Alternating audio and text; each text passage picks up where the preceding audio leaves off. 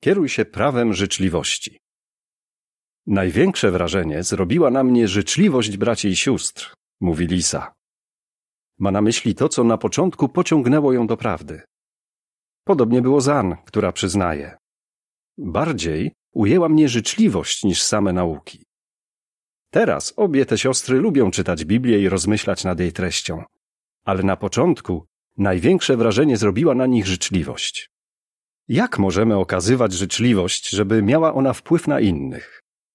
Omówimy dwa sposoby, na które możemy to robić: naszymi słowami i naszymi czynami. Następnie zastanowimy się, komu powinniśmy okazywać życzliwość. Niech Twojej mowy strzeże prawo życzliwości.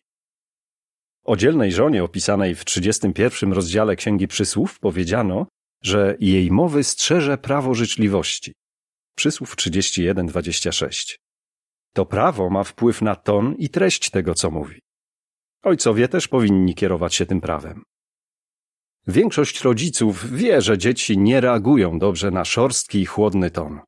Kiedy rodzice zwracają się do nich życzliwie, dzieciom łatwiej jest ich słuchać i okazywać posłuszeństwo.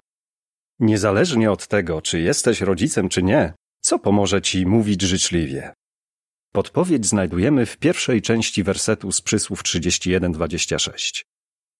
Gdy otwiera usta, mówi mądrze. Chodzi o to, żeby mądrze dobierać słowa i ton, którym je wypowiadamy. Dobrze jest zadać sobie pytanie, czy to, co powiem, wywoła złość, czy raczej rozładuje napiętą sytuację? Mądrze jest pomyśleć, zanim coś się powie. Inne przysłowie brzmi: Bezmyślne słowa są jak pchnięcia mieczem. Przysłów 12-18. Kiedy zastanawiamy się, jaki wpływ nasze słowa i ton mogą mieć na innych, będziemy bardziej kontrolować to, co mówimy. Prawo życzliwości sprawi, że nie będziemy wypowiadać się w sposób szorstki ani używać raniących słów.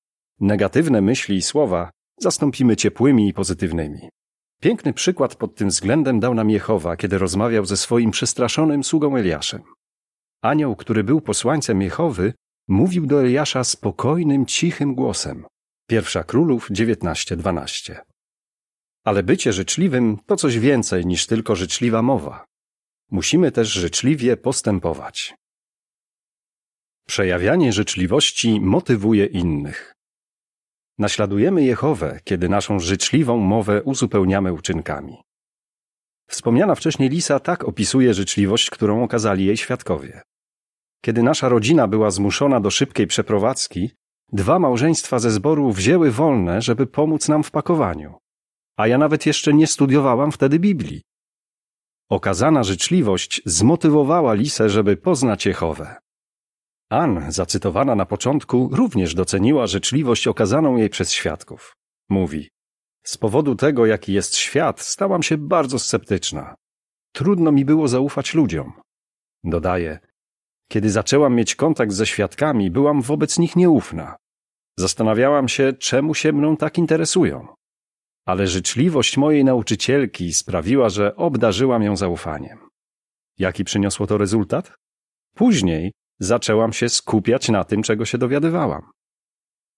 Życzliwe uczynki osób ze zboru bardzo poruszyły Lisę i Jan i pomogły im poznać Jehowę.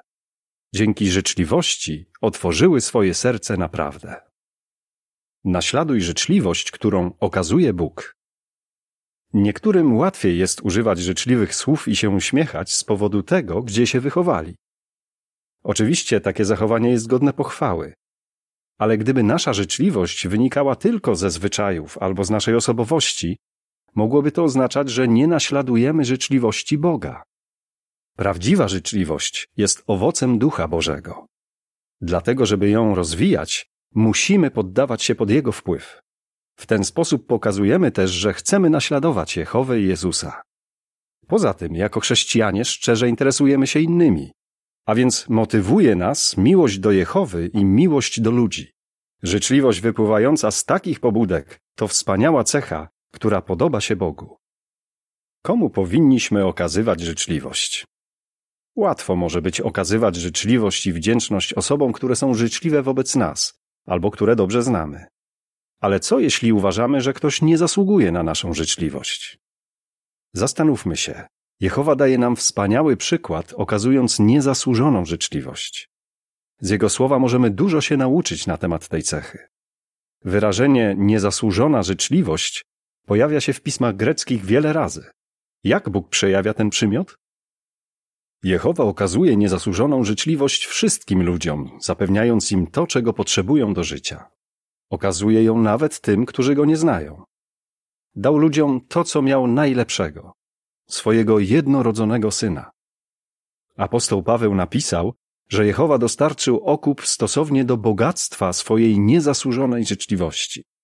Efezjan 1:7. Chociaż grzeszymy i rozczarowujemy Jehowę, to On nadal nas prowadzi i uczy.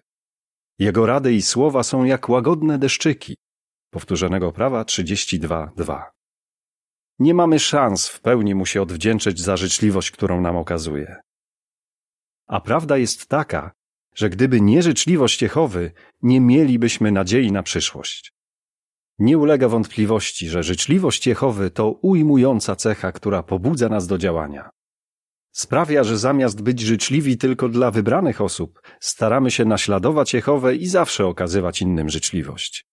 Jeśli nie będziemy ustawać w jej przejawianiu, staniemy się dla nich jak płomienie ogniska w zimny dzień.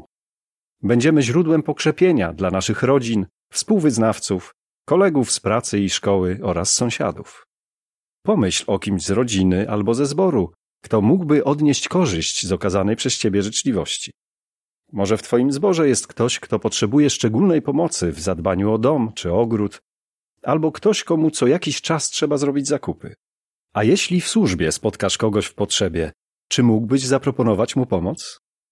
Starajmy się naśladować wspaniały przykład Jehowy i niech naszymi słowami i czynami kieruje prawo życzliwości.